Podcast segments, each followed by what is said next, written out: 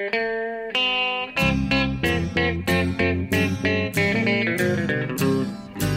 out there, we're on the air. It's hockey night tonight. Tension grows, the whistle blows, and the puck goes down the ice. The goalie jumps and the players bump, and the fans all go insane. Someone roars, Bobby scores at the good old hockey game. Oh, the good old hockey game is the best game you can name. Hallå, hallå, hallå, hallå, hallå, hallå, hallå, hallå, hallå, hallå. Hallå, hallå och välkomna till NHL-podcasten med Jonathan Teddybjörn Ekeliv i Stockholm som vi hörde där. Ja. Och eh, mig då, Per Bjurman i New York. Och det här är ingenting mindre än avsnitt nummer 333. 333. Fantastiskt. Ja, exakt. Vi brukar ju försöka jubilera lite när det är den här typen av avsnitt. Eller det är jämnt i alla fall. Jag vet inte om 333 är det egentligen, men det känns så i alla fall. Det är ju någonting speciellt över det. Ja, jag har inte träffat så många som har fyllt 333 så jag vet inte riktigt. Hur, hur man gör. Om det... Nej, det vet inte jag heller. Vi får hitta på under poddens gång. Ja. Det låter trevligt. Jag säger att Tampa kanske firade med en 8-0-seger häromdagen för vår skull, men vet. Ja, jag tror, jag tror inte de tänkte så mycket på det. Nej, kanske inte. Nej. Ja, men eh, med det har vi kastat oss rakt in i, det pågående semifinaldramat i Stanley Cup-slutspelet. Eh, Ja. Som börjar eh, varva upp mot sina crescendon på båda, på båda håll. Precis. Och vi kan ju börja med den serien du, du tog där eftersom den är ute här i öst. Tampa, New York Islanders. Som ju har varit fram till femte matchen väldigt jämn och eh, oviss och tajt. Men så kom den där explosionen i Amalie Arena. Ja, det får man ju säga var lite oväntat. Det blev alltså 8-0 eh, i en semifinalmatch. det, det, och med ett Islanders ju som... Ja, det var en konstig match överhuvudtaget. Jag tycker det är ologiskt detta. Så det, det, det är märkligt med denna sport, hockey. För att jag kommer ihåg att du och jag höll på att smsa i andra perioden i match 4. Då var det faktiskt så att Islanders gick iväg till en 3-0-ledning på hemmaplan där. Eh, stängde ner Tampa totalt och skapade väldigt mycket själv. Och det kändes som att de har verkligen kopplat greppet om inte bara den matchen utan om hela serien. Och sen den perioden, andra perioden i match 4, så står det 10-0 till Tampa. Ja, ja det var ju eh, extremt konstigt. Men det, det hände ju... Det, alltså, det är väldigt typiskt Tampa då. Och de är ju oftast, för inte säga alltid, eh, väldigt bra efter förluster. De, det är, är ju en, en av deras främsta styrkor är hur bra de eh, replikerar när det inte har gått bra. Ja, Och det var ju den här eh, Game 5 ett exempel på. Men samtidigt var ju eh, Islanders inte bra. De, de gick inte att känna igen överhuvudtaget. De var unrecognizable. Framförallt i delar av första perioden när, när deras defensiv kollapsade fullständigt och Tampa kom i, i odd man rush efter odd man rush. Det var två mot en, det var en mot noll, det var två mot noll. Ja mot en. faktiskt. Precis, alltså i första matchen som jag hade spelats när vi spelade in senast, då eh, tog ju Islanders ledningen där med 1-0 i matcher i Amalie Arena. Och då konstaterar vi att Islanders, precis som Barry Trotz vill ha det, släppte till noll oddman rushes, noll chanser på kontringar. Medan i den här som du är inne på, i den första perioden, det var alltså nio kontringschanser för Tampa. Ja, det är ju... eh, Det, det var helt enkelt, de slutade vara sig själva. De orkade inte upprätthålla samma spel som vanligt. Eh, och, men det är väldigt konstigt att se oss ett lag med så mycket disciplin och som liksom eh, aldrig begår så mycket misstag. De Nej. slog ju felpassningar och lämnade från sig pucken på ett häpnadsväckande sätt. Ja, precis. Och sen fortsatte matchen på samma sätt. De repade sig aldrig efter det, utan det är bara målen fortsatte att rasa in bakåt. Och eh, de börjar ju ta utvisningar, New York Saints, på ett sätt vi inte har sett tidigare. Det, Tampa fick ju spela powerplay efter powerplay och till och med ett matchstraff då när Matthew Barzal, den som man minst trodde skulle liksom tappa det inom situationstecken och, och göra en, ja, en ful förseelse får vi säga på Jan Rutta. Jan Rutta, Ja. man, man reagerar alltid på det namnet. Eh, men eh, Eh, ju, när vi sitter och spelar in det här så vet vi inte om det renderar i en avstängning till och med, men det renderar i alla fall i ett, i ett matchstraff. Ja, och eh, vår vän eh, Barry Trotz uttryckte besvikelse Ja. på över Alltså det, det vanliga, du får ju hedra honom. Det vanliga är ju när det, i synnerhet när det gäller så viktiga spel, då brukar coacherna försöka skyla över sånt där och säga så det var ett hockeyplay och så. Men det gjorde han inte. Han, så han var besviken på att Bashar tog det beslutet och gjorde det ännu svårare för sina lagkamrater. Ja. ja, det är lite, precis, det är faktiskt värt att poängtera att han faktiskt tar den, det, det ställningstagandet och ryter till mot Barzal snarare än mot domaren eller mot Rutta eller mot Tampa eller så vidare. Utan att han faktiskt... Eh, för det, det är faktiskt inte så vanligt som säger så här prekärt, viktigt läge på säsongen och, och göra så. Utan snarare försöka påverka så att det kanske inte blir någon avstängning och sånt där. Jag vet inte. Men eh, vad tycker du då? Tycker du att det ska bli en avstängning för Matt Barzal att han ska missa sjätte matchen här nu? Eller tycker du att det räcker med ett matchstraff? Jag vet inte. Eh, jag tror inte det blir någon avstängning. Men eh, jag skulle inte ha något emot eh, en match. Får jag säga. Ja, jag är ju extremt subjektiv här, det vet ni alla. Så det är ingen som tar min åsikt här på allvar. Men jag, ja, förtroendet för player safety är ju inte skyhögt här. Det känns som att det är en sån där förseelse de bara låter gå. Man vet aldrig vad de kommer att göra. Det är väl det konstigaste med den där organisationen. Eller departementet. Ja, precis. Rätt var det. Nu blir det fem matcher på det här helt plötsligt. Ja. skulle, skulle inte förvåna på det viset. Så vi får se. Vi får se. Det blir spännande i match 6 i alla fall. Jag har svårt att se att det ska bli 8-0 till Tampa då igen. Utan det kommer ju vara ett... Jag har ju fortfarande ganska färskt i minnet den där andra perioden innan Tampa har gjort tio raka mål sedan dess som sagt. Alltså när Islanders spelar på topp, när de maxar sin prestation, när de är disciplinerade, både vad gäller att inte ta utvisningar men framförallt till att följa deras spelsystem och, och till 110 procent. Ja, då är det... Till och med när Tampa max presterar då så är det inte lätt att tränga igenom. Alltså. Nej. Eh, och faktum är att det kan ju, vilket ju borde vara tändvätska om något, vara... Ja, om de inte vinner Islanders, då är det sista matchen, inte bara på säsongen, utan i Colosseum någonsin. Ja, ja nu får vi i och för sig se. Nu hörde jag att, att äh, färdigställandet av Belmont Park har fördröjts och senaste budet att de kommer att öppna i november. Just det, det kanske det kan... blir någon strömatch ändå i oktober då? Nej, förmodligen. Ja, jag, jag vet inte. De kommer nog att göra vad de kan för att fortsätta och inleda nästa säsong i Belmont Park. Men, men det är ju speciellt med, med, med The Old Barn. Jag har ju varit där nu på de här matcherna ja. mot uh, Tampa. Ja, jag har försökt beskriva det där förut. Det finns de som har roligare, det är mer positivt party på andra håll och dans och så. Mm. Men eh, det finns inga som skriker lika mycket som de gör i Colosseum och är lika fientliga och arga hela tiden. Nej, Nej alltså, eh. jag brukar vara avundsjuk när du är utsänd och när du har varit i Vegas och dina rapporter från Nashville och överallt du är och inte minst när du är i den heliga staden Tampa. Men när du nu sa att ah, nu sitter jag i, i taxi på väg här till Colosseum för, för match mot Tampa. Då blir jag inte avundsjuk. Alltså. Jag vill inte in där som motståndarfan och sitta på Nej, den där läktaren ihop med de där lirarna. Alltså. Nej, du har ju sett hur de är när Tavares kom hem. Ja. Och det är ju den stämningen. De är, eller, som någon som är en bekant som kommer utifrån så, så vi är sådär. Så, så där låter det på våra släktmiddagar också. jag vet inte om jag skulle vilja vara på någon sån släktmiddag heller då. Nej, jag sitter och skriker åt varandra. We don't need you. ja, det är... Eh, de, de har väldigt mycket attityd där ute. Det är ett konstigt ställe, Long Island. Ja. Det kan, det kan eh, kanadensiska kollegor vittna om det. Det var någon gång innan jag hade kommit hit så var det 2002 eller sånt där, så var det en väldigt het serie mellan Toronto och Islanders i, i första slutspelsrundan. Eller andra eller vad det var. Mm. Eh, och, och, då bodde de här kollegorna från Toronto eh, på hotellet, Marriott-hotellet som ligger där vägg i vägg. Mm. Och de tittade ut på det på, under eftermiddagen. Då stod det folk och brände kanadensiska flaggor på, på parkeringen. Det är, det är livsfarligt. och ha andra sympatier. Men det känns som eh, min eh, liksom, teori som jag bara hittar på så här, eh, som kanske inte har någon grund, men det känns som att de ute på Long Island, det är något slags lillebrorskomplex mot stora Manhattan på något vis, och mot hela, ja, mot hela NHL på det viset också på något sätt. De, de tycker att de är lite nedtryckta där ute och de vill svara upp. Ja, men det är de ju också. Ja. Det, är, det är inte helt... Uh, den är inte helt omotiverad, den känslan. Nej. De är ju lite vid sidan av. Liksom. Det är ju Södertälje typ. Liksom. Ja, just det. Alltså Islanders, ja de skulle kunna se som Södertälje SK. Det är inte så liksom AIK. Det är inte alls så. Nej.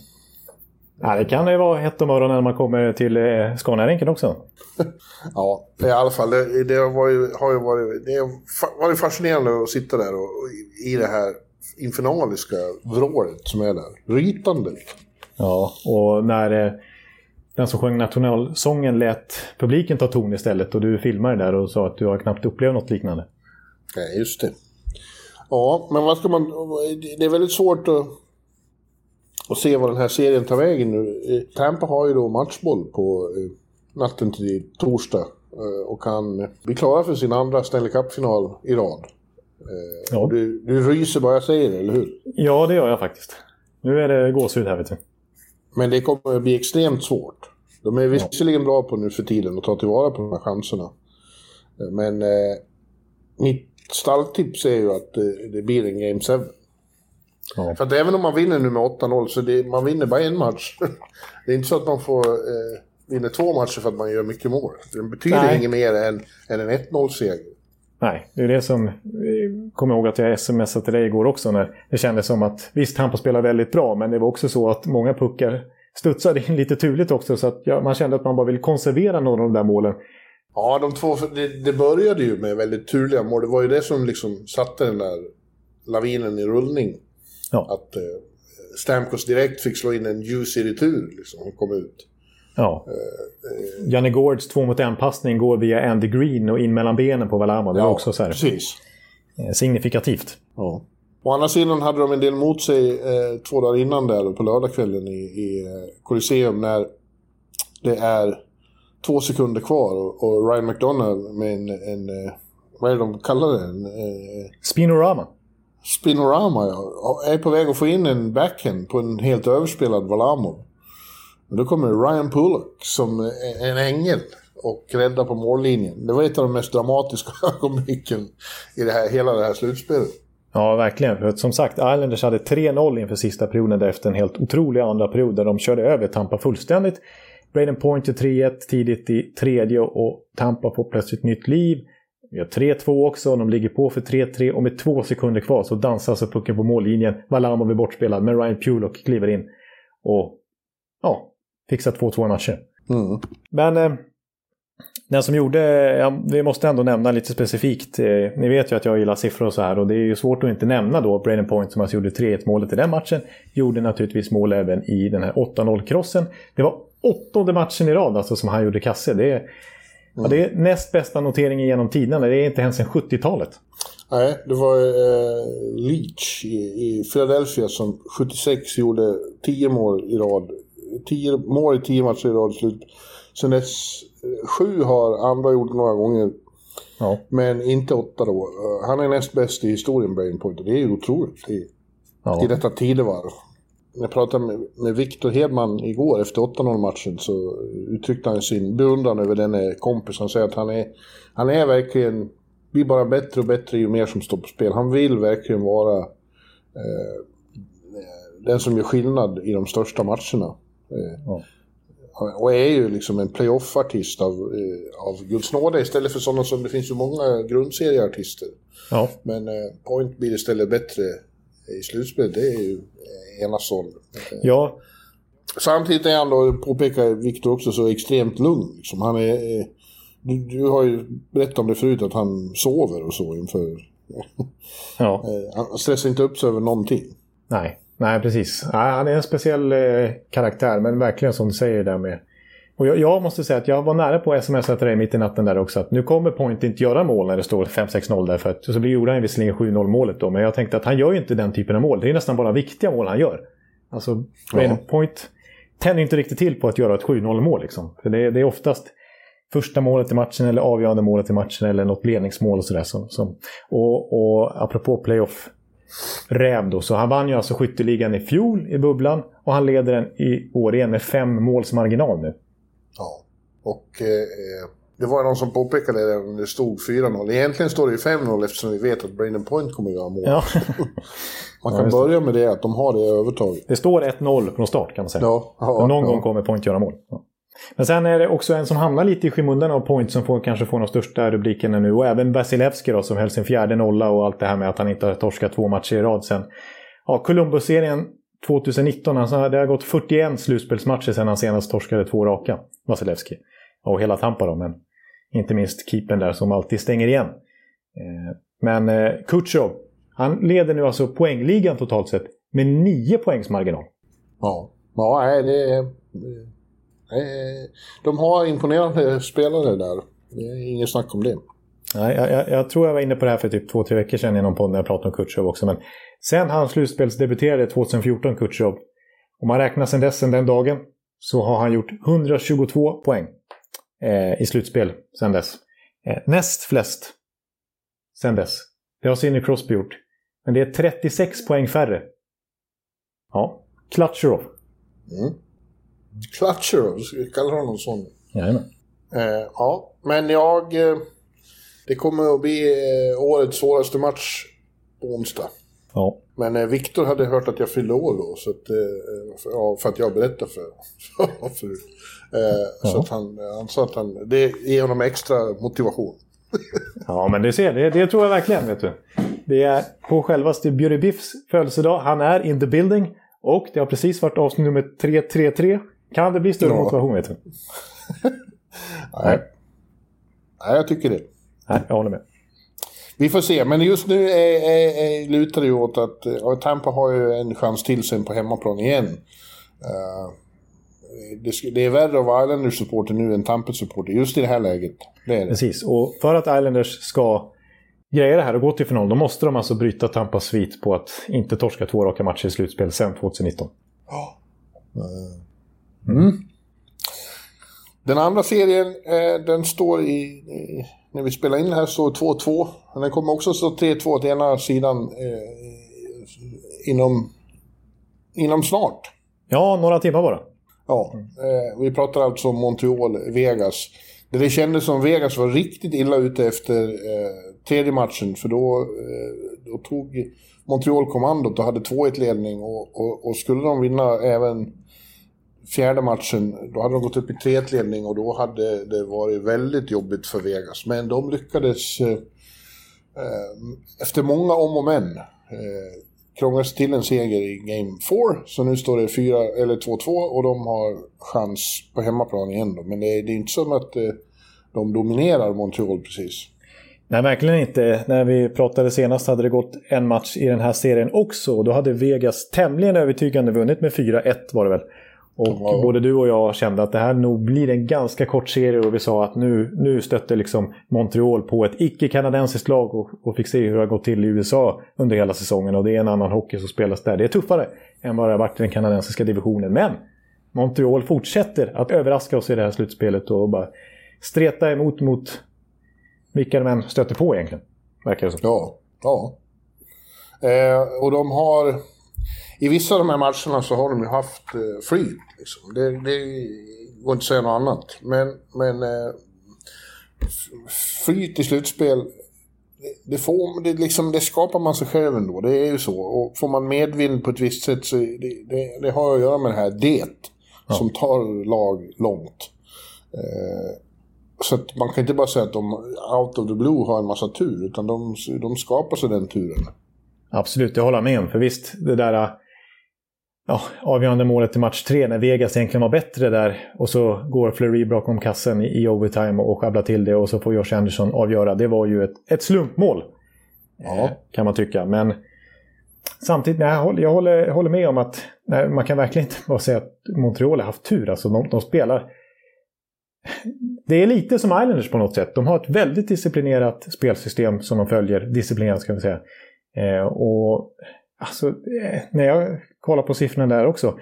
Kollar man till exempel på vanlig Corsi bara antal skottförsök under matcherna här så har Vegas ganska kraftigt övertag. 30 fler skottförsök på de här fyra matcherna. Men kollar man på liksom riktigt farliga chanser, skott från slottet då har Montreal ett klart övertag. Då har de 14, till och med 16 fler skottförsök från slottet än vad Vegas har. Så jag tycker återigen att det här temat som även eh, ja, som gäller Vegas också.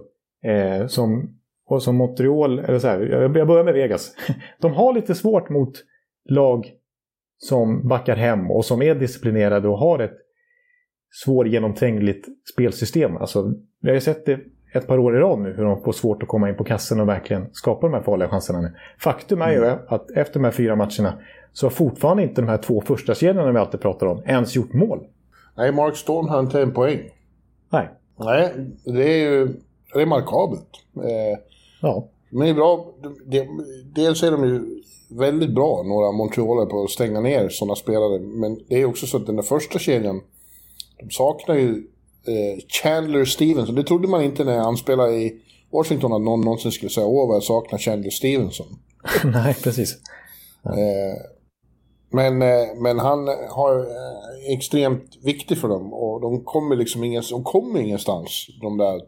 Ja, William Karlsson-kedjan visade vissa bra tecken eh, i fjärde matchen. Men mm. de, inte heller de skapar särskilt mycket farliga chanser. Det ser man ju med blotta ögat. Ja, precis. Nej, det är anmärkningsvärt att, att Vegas understundom, och framförallt när de möter så defensivt skickliga lag som Minnesota också, som Vancouver när de backade hem rejält i bubblan där.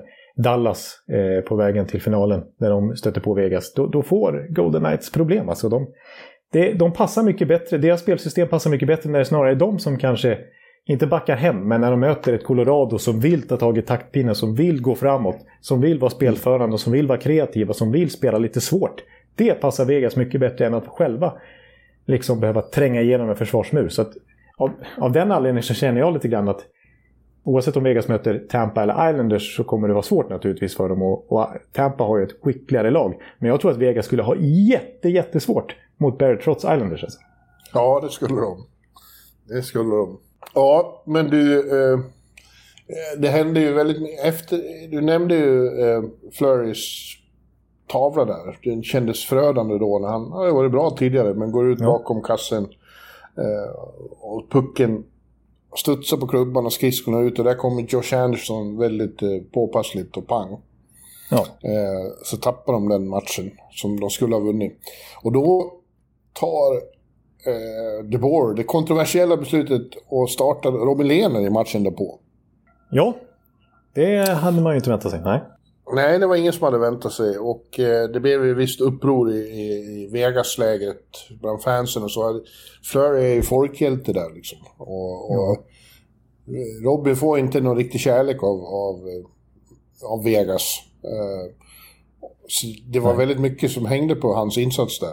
Både ja, hans senaste match var ju 1-7 där mot Colorado, så han stärkte inte sina aktier då. Nej, och, och han, man hade mycket att förlora i den här eh, starta den här matchen som mm. var så viktig. Men han var ju perfekt. Liksom. Han var ju grymt bra i den serien. Eller i matchen. Precis, han var faktiskt riktigt, riktigt, riktigt bra. Det var några riktiga highlight reels saves. Alltså det var inte bara att han liksom var stabil och stod i vägen. Han gjorde ju några riktigt, helt avgörande räddningar. Ja, framförallt den i, i tredje perioden när Montreal har 1-0 ledning och eh, Cofield kommer fri. Ja. Gör de 2-0 där, då, då är det ju över. Eftersom de hade så extremt svårt att komma fram, Vegas. Men han räddade friläget genom att läsa Caulfield. Han, jag pratade med Robin efteråt. Han säger att jag är inte... Uh, jag är ganska annorlunda målvakt mot hur målvakter ser ut nu för tiden. Jag, jag är ingen 70 kilos kille som, som uh, liksom tar sådana här lägen på uh, snabbhet. Utan han, han läser spelet och har han scoutade motståndarna väldigt noga före matcherna och han sa att han visste vad Cofield förmodligen skulle göra där. Ja. ja. Nej, och han var ju på plats som han sa också, två timmar före. det ja, han behövde. Men, vänta, jag är, inte, jag är inte klar med den där situationen. Och grejen är ju att den där räddningen var inte bara att han höll eh, Vegas kvar i matchen. Det kändes ju som hela laget fick enorm eh, energi av den där räddningen.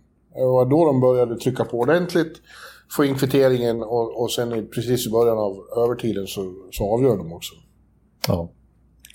Ja, nej, sen så var ju Robin som vanligt då. Eh, så att han fick, eh, gick på presskonferensen och sa att han hade kommit två, två timmar tidigare för att läsa vad alla, all skit ni ska skriva om mig så jag får, eh, så jag får motivation. Ja, precis. Han har varit inne och surfat på sociala medier för, för, för, att få motivera sig själv inför matchen när folk skriver skit om att han skulle vakta kassen just den kvällen. Ja. ja. Han är en duktig målvakt och han är en... Ja, det är ju inte negativt för oss som jobbar på tidning att det finns folk som vågar säga vad de tycker också. Exakt. Att eh, det är lite uppfriskande. Mm. Rubrikvänlig. Ja. Ja. Nej, men, och, och där vill jag också bara understryka då, när vi var inne lite på så här, Montreal har haft tur som kommit hela vägen hit. Men verkligen inte i den här matchen där Lena verkligen storspelar. Faktum är att det till slut avgörande målet i, sudden death där av Nicholas Roy i Vegas. Det var det andra skottet från slottet i hela matchen för Vegas. Medan Montreal hade haft 17 fram till dess. Så Vegas, Ja. så Lena hade verkligen fått svåra lägen emot sig. Medan snarare Vegas hade ganska tur. Hade inte Lener storspelat, då hade de absolut inte haft en chans. Då hade det kunnat bli 4-0. Liksom. Men det, är ju, det, det, det konstiga där var ju att matchen före så var det Vegas som klart bättre förde Ja. spelet. Eh, då förlorade de. Matchen därpå är det alltså Montreal som dominerar, då förlorar de. Det är väldigt konstig sport det här. Ja, precis. Och sen som, som jag är inne på där, 3-0 till Islanders i en period och sen 10-0 efter det till Tampa. Det, det, det är konstigt. Här sitter vi och försöker dissekera, analysera och dra slutsatser och så känns det som att vi har fel vecka efter vecka, höll jag på att säga. Ja. ja. Ja. Men Men det det, var mycket... har ju alla. Ja, precis. Alla. Det, det, så är det ju. Men eh, en annan stor snackis som inte känns så kul att gå in på, men som blev en stor grej, framförallt i Kanada, i Montreal-lägret. Inte så mycket bland spelarna och, och ledarna så jag tycker, utan snarare bland fans. Det är ju återigen domarinsatsen i det här slutspelet och Domarinsatsen höll jag på att säga, i den här match 4 när det var väldigt många, alltså enligt regelboken, klara förseelser som bara släpps. Eh, så att matchen, den matchen nästan spårar ur lite grann till viss del. Där, där spelarna kunde ta sig ganska stora friheter mot varandra. Ja. Ja, jag, alltså jag försöker undvika gnäll på domarna. Det känns, brukar kännas poänglöst. Jag brukar tycka att det, det jämnar ändå ut sig. Eh, lagen drabbas ungefär lika mycket om man, om man eh, drar ut det över tid.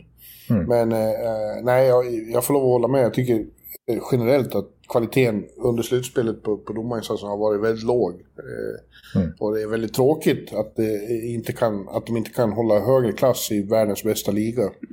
Det är inte bara att de missar massa saker, eh, och grova saker, även i, i, i tredje matchen när, när Corey Perry får ansiktet söndertrasat av en hög klubba och det bara passerar. Ja. Och, men, men också att, att, att nivåerna svänger så egenartat. De, har, de, de säger i piporna i två perioder, blåser för ingenting. Sen plötsligt i tredje kommer det nå- något som har passerat tio gånger tidigare under matchen. Ska plötsligt vara utvisning. Ja, ja det, blir, det blir ju konstigt när, när som säger, när det, när det svängs så mycket i hur man ska följa regelboken och när det är millimeterrättvisa om det var en centimeter offside eh, Ja. 15 sekunder före ett mål. Medan eh, liksom crosscheckar någon i huvudet in i sargkanten så att han får hjärnskakning, det blir ingenting. Eh, eller någon liten touch på handsken så att det blir en hooking när det har varit kanske tio sådana sekvenser tidigare i matchen. Nej, det, det, det känns svajigt, får man säga. Ovanligt Ja. svajigt, tycker jag. Ja. Ja, det är tråkigt. Och i, i, i Montreal och Kanada, det tycker de ju framförallt att domaren Chris Lee alltid dömer mot dem. Just det, att det har till och med varit petition där, en namninsamling, en ganska rejäl namninsamling bland Montreal-fans för att han ska uteslutas så att han inte ska få döma mer Montreal-matchen.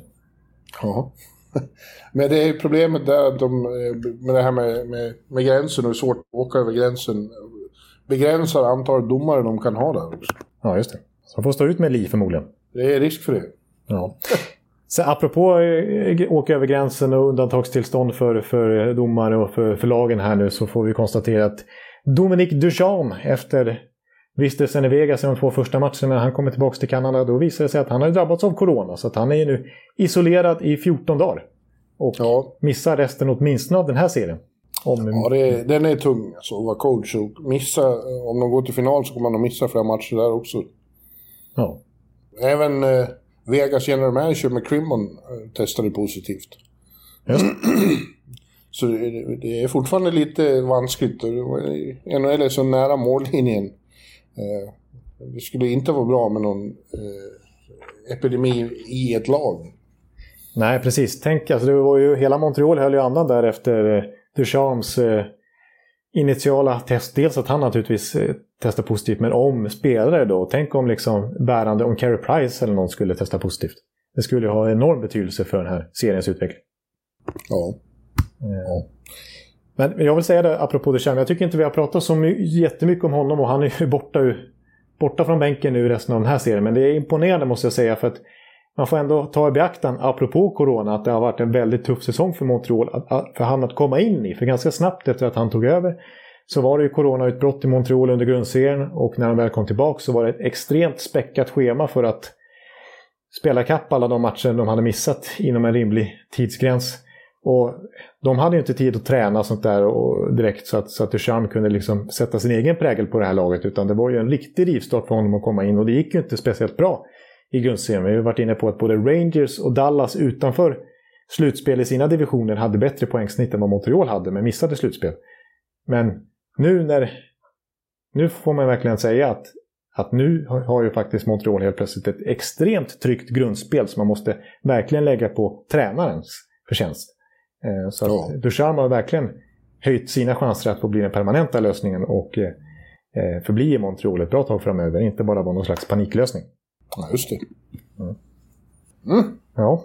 Ja, vi får se då nästa gång vi, vi spelar in så då är det ju serierna klara och då ska vi titta på finalen. Och det, det kommer antingen att bli Vegas Tampa, Montreal Islanders eller Islanders Vegas.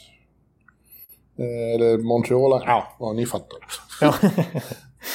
Ja. ja. vi får se helt enkelt. Men vi kommer ju köra ett preview-avsnitt i alla fall. Ja, ja. Eh, och eh, försöka tippa igen. Och, och, ni vet, en sak vet ni i alla fall att om, nej, jag vågar inte säga ens, om Tampa, jag säger, du får nästan säga att det är att om Tampa går till final så kommer inte jag tippa på att de vinner i alla fall. Det är det enda som är säkert.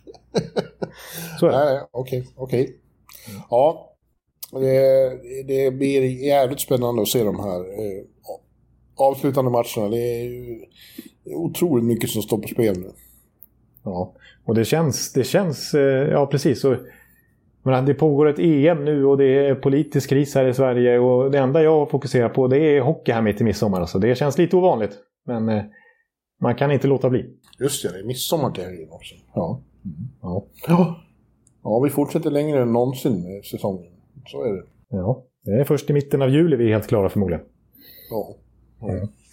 Ja, men du, eh, vi har eh, ju lite annat som händer samtidigt. Eh, mycket rykten, mycket, eh, mycket eh, saker som är på gång. Vi... Eh, att Gerd Galant eh, blir ny, en, en Rangers coach eh, kunde vi berätta redan förra veckan, men nu har det bekräftats då efter viss tid att, ja. av Rangers också.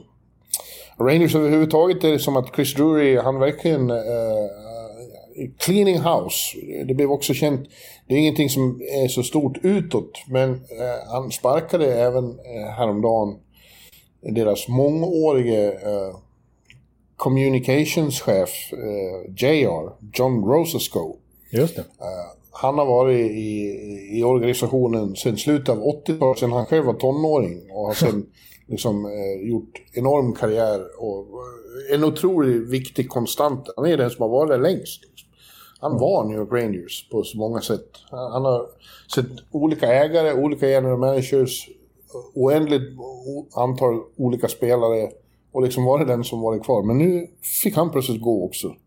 Ja, det är ju ett statement om något. Det är liksom symbolvärde i en sån handling. Ja, och eh, det sjöng ju verkligen till i medievärlden för han har ju hållit oss i herrans tukt och förmaning genom alla år. Han har inte varit precis charmig mot svenska journalister och så, om vi, säger, om vi uttrycker det på det sättet. Okej, okay, så du, du är inte oerhört eh, deprimerad stämning just nu på din våning?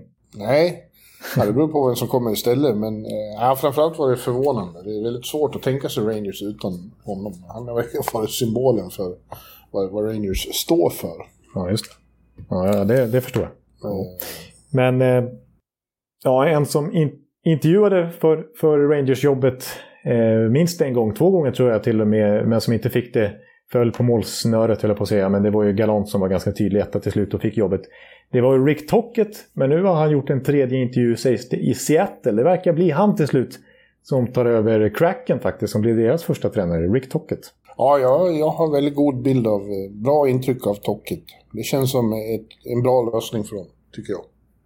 Ja, alltså jag gillar honom också, honom också på det viset. Han kan ju verkligen sätta ett spelsystem. Sen har han inte riktigt visat att, tycker jag, det kanske beror på spelarmaterialet också. Fast å andra sidan tycker jag att Arizona har ganska oförlösta offensiva talanger och förmågor där. Men eh, ja, att det mer varit ett tryggt grundspel men som inte omvandlats i en offensiv. Utan mer en, en stabil defensiv bara nästan. Men det, det ska bli spännande att se han i en helt ny roll i eh, Seattle. Och det är ju en players coach också. Alla talar gott om Rick Tocket. Så att, eh, ja, jag förstår att, att eh, Ron Francis väljer honom till slut.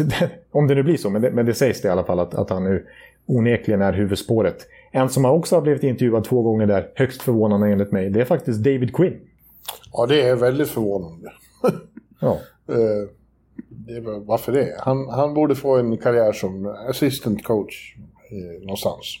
Ja, ja precis. Ja, det är märkligt alltså att han... Även Columbus hörde sig för det med David Quinn. Så att... Eh, nej, gjorde ju ingen stor, storartad insats tycker vi i Rangers. Men, men, helt, men ändå ska, andra klubbar hålla, hålla sig framme där och, och kolla läget. Men, ja. ja. Vilka fler är det som inte har någon coach nu då? Ja, det är just Tockets gamla arbetsgivare då Arizona som fortfarande inte har utsett någon. Och sen är det väl just... Eh... Buffalo har ju inte sagt hundra att det blir Granato heller. Nej, där får vi se också vem det blir. Eh, medan det fortfarande finns ett antal... Jag menar, Bruce Boudreau... det är märkligt för honom, för fram till att han fick lämna Minnesota så, så dessförinnan hade han väl två dagar i hela sitt vuxna arbetsliv som han hade varit arbetslös. Ja, nu är det ingen som riktigt eh, vill ha honom längre. Nej. Och det är väl för hans... Eh, han är ju också motsatsen till Braden Point höll jag på att säga. Han är ju en grundserieartist som har levererat, har ju bland hela NHL-historiens bästa poängsnitt i grundserien. Men han har ju inte lyckats ta sina lag nästan någonstans när det väl hettar till. Nej. Så det är väl därför helt enkelt. Det är väl därför ja. Eh, men hur är det med Calgary nu då? Har de... Ja, det är, de skrev ju faktiskt ett treårskontrakt med Sutter. Så att, eh, han har ju ställt eh, traktorn i garaget och tror att han ska få vara kvar där. Trots ja. att han är pensionär egentligen. Då. Ja. Frågan är vilken coach som får coacha Jack Eichel nästa vecka. Eller nästa år. Ja, det kan, vecka, vem, nästa vecka, vem vet? Det, det sägs att det är nära förestående. Ja. Eh, ja, men han kommer inte, de kommer inte börja jobba ihop nästa vecka. Nej, det tror jag inte. Nej. Men eh, mindre och mindre tyder på att han kommer att komma tillbaka till Buffalo. Fast de begär ju tydligen eh, ohyggligt mycket för honom. Ja, jag läste också här någon eh, Boston-reporter som hade inside från någon rival executive eh, som har hört sig för med Buffalo och eh, eh konstaterade att det var crazy much eh, som Buffalo hade som asking price. Då. Så att, eh, och det är, det är en svår situation. Det är klart, Eichel det är ju en jättetalang och en, en superstjärna onekligen. Men samtidigt så, så har han fortfarande inte spelat en slutspelsmatch i karriären. Inte lyckats lyfta Buffalo någonstans eh, än.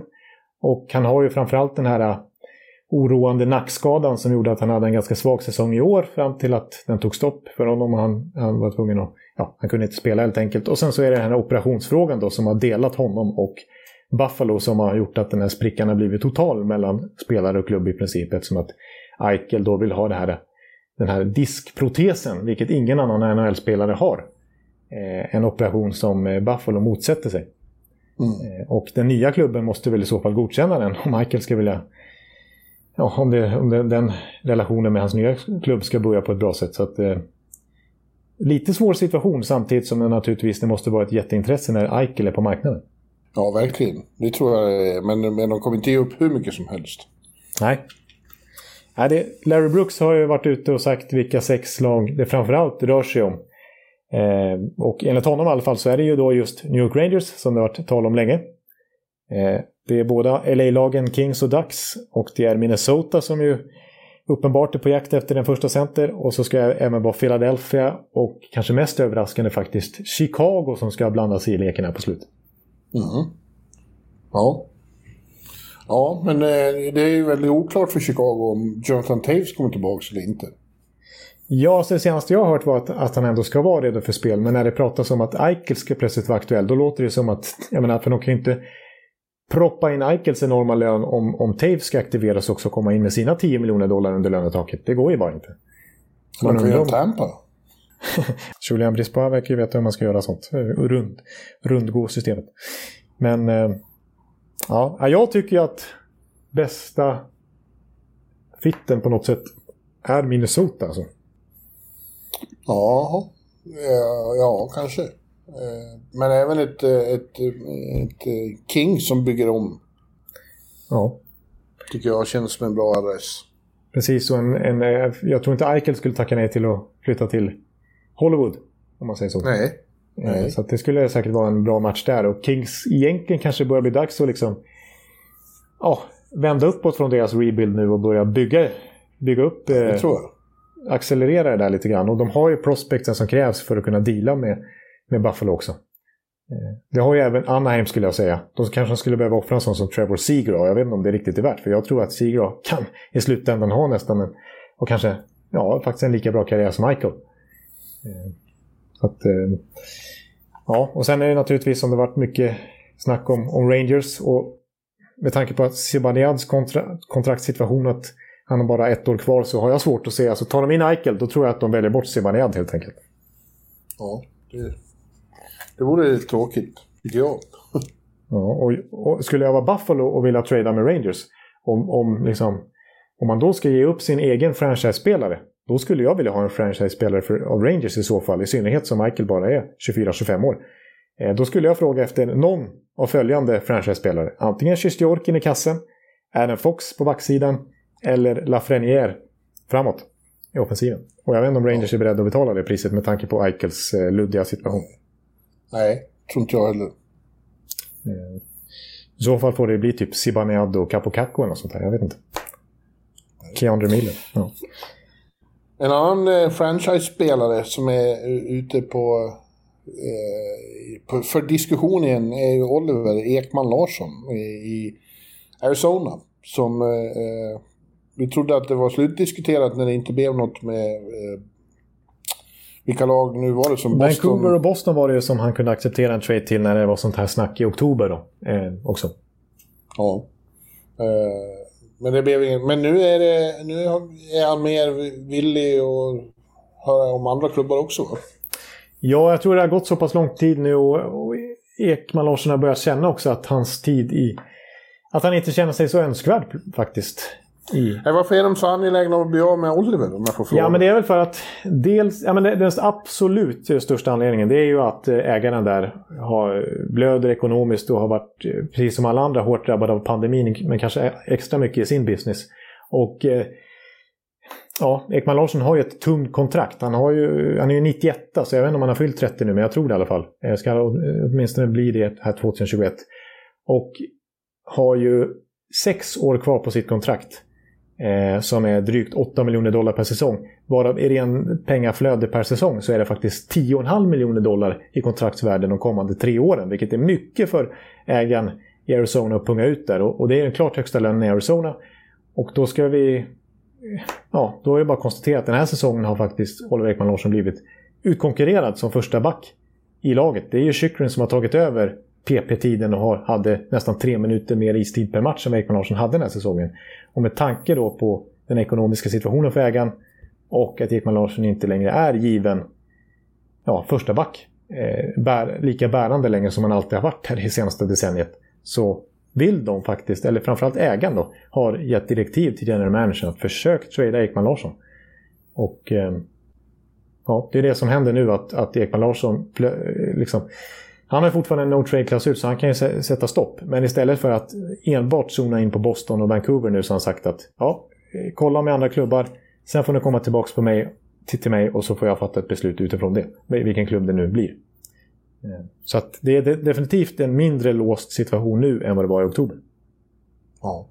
Ja, ja man har ju många år sagt att det var kul. Nu har ju Arizona varit bättre eh, ett par år än vad de var tidigare. Men nu, man pratade ju ofta om hur roligt det vore att se eh, OEL i ett bra lag. Jag hoppas att han hamnar hos någon som är lite contender. Ja, alltså det är det jag har bara lite svårt att få ihop när det är flat cap och, och Ekman Larsson trots allt passerat 30-strecket här nu och har det här tunga kontraktet. Vilket topplag, en riktig contender, skulle faktiskt ha råd med Ekman Larsson om inte Arizona väljer att behålla en stor del av kontraktet, vilket jag tror att ägaren inte är så sugen på. Han vill nog bli av med hela bunten där.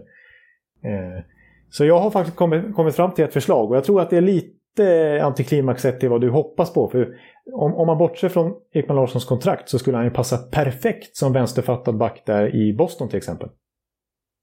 Eh, men med, med Bostons kontraktssituation där man tar lite mindre än vad man egentligen förtjänar och med tanke på att Charlie McEvoy snart ska förhandla nytt, sitt stora kontrakt snart så kan jag omöjligt se hur de ska kunna pressa in hela Ekman Larssons kontrakt. Men det är klart att han rent sportsligt skulle passa perfekt egentligen in där på deras vänstersida. Mm. Men jag ska säga mitt, eh, mitt förslag. Ja. Eller vad är mitt förslag och förslag, men som jag tror att det kan bli. Jag säger då Detroit. Oj, oj. Jaha. Eh, jag tror, alltså Ekman Larsson skulle väl också helst vilja gå till en contender om man ska wava sin klausul och flytta från Scottsdale. Liksom. Eh, ja. Och, och det fantastiska klimatet där. Och jag vet inte om Detroit lockar tillräckligt mycket med deras sportsliga situation direkt. Men ja, jag tänker... Nej, och inte, inte klimatmässigt. Heller. Nej, och verkligen inte klimatmässigt heller. Men han har ju ändå, som jag förstår det, så är han väl ändå lite Detroit-kille. Som, som barn i alla fall. Och hade ju Niklas Lidström som sin stora idol. Och eh, få komma till Detroit då och... Nu har han ju haft den rollen lite grann i Arizona under hela sin karriär. Men att försöka ledsaga det nya Detroit framåt. Och det skulle ju vara en, menar, Detroit har ju löneutrymme. De har ju nästan problem att nå till lönegolvet. Så att de skulle faktiskt kunna svälja det här stora kontraktet. Och få en ledartyp. Jag menar, det är ändå lagkapten de får in. Nej, nej, jag har svårt att se att han går med på det. Alltså, det dröjer flera år innan de kommer att vara eh, slagkraftiga. Och, som du sa, han har, han har många sådana år bakom sig i Arizona.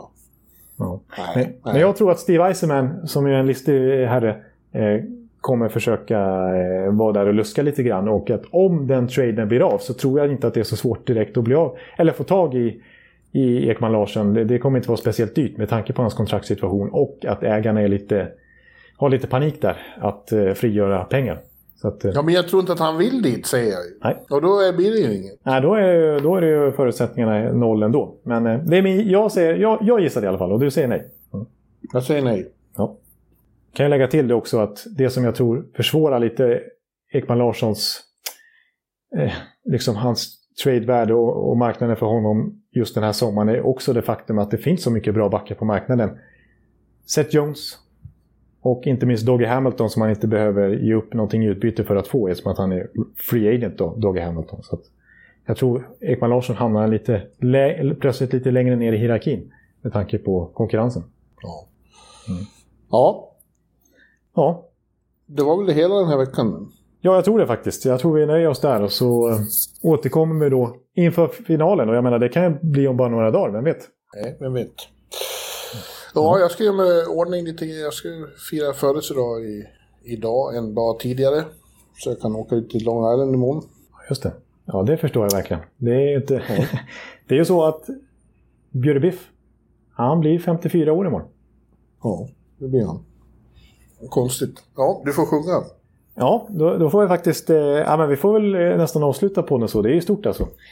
Eh, att, och jag tycker ju att det är den ultimata julklappen, eh, julklappen, det var fel ordval så här i midsommartider och, och födelsedagstider. Men presenten att få gå på Long Island Colosseum och se Tampa, förhoppningsvis då, göra sitt jobb imorgon. Vi får se. Ja.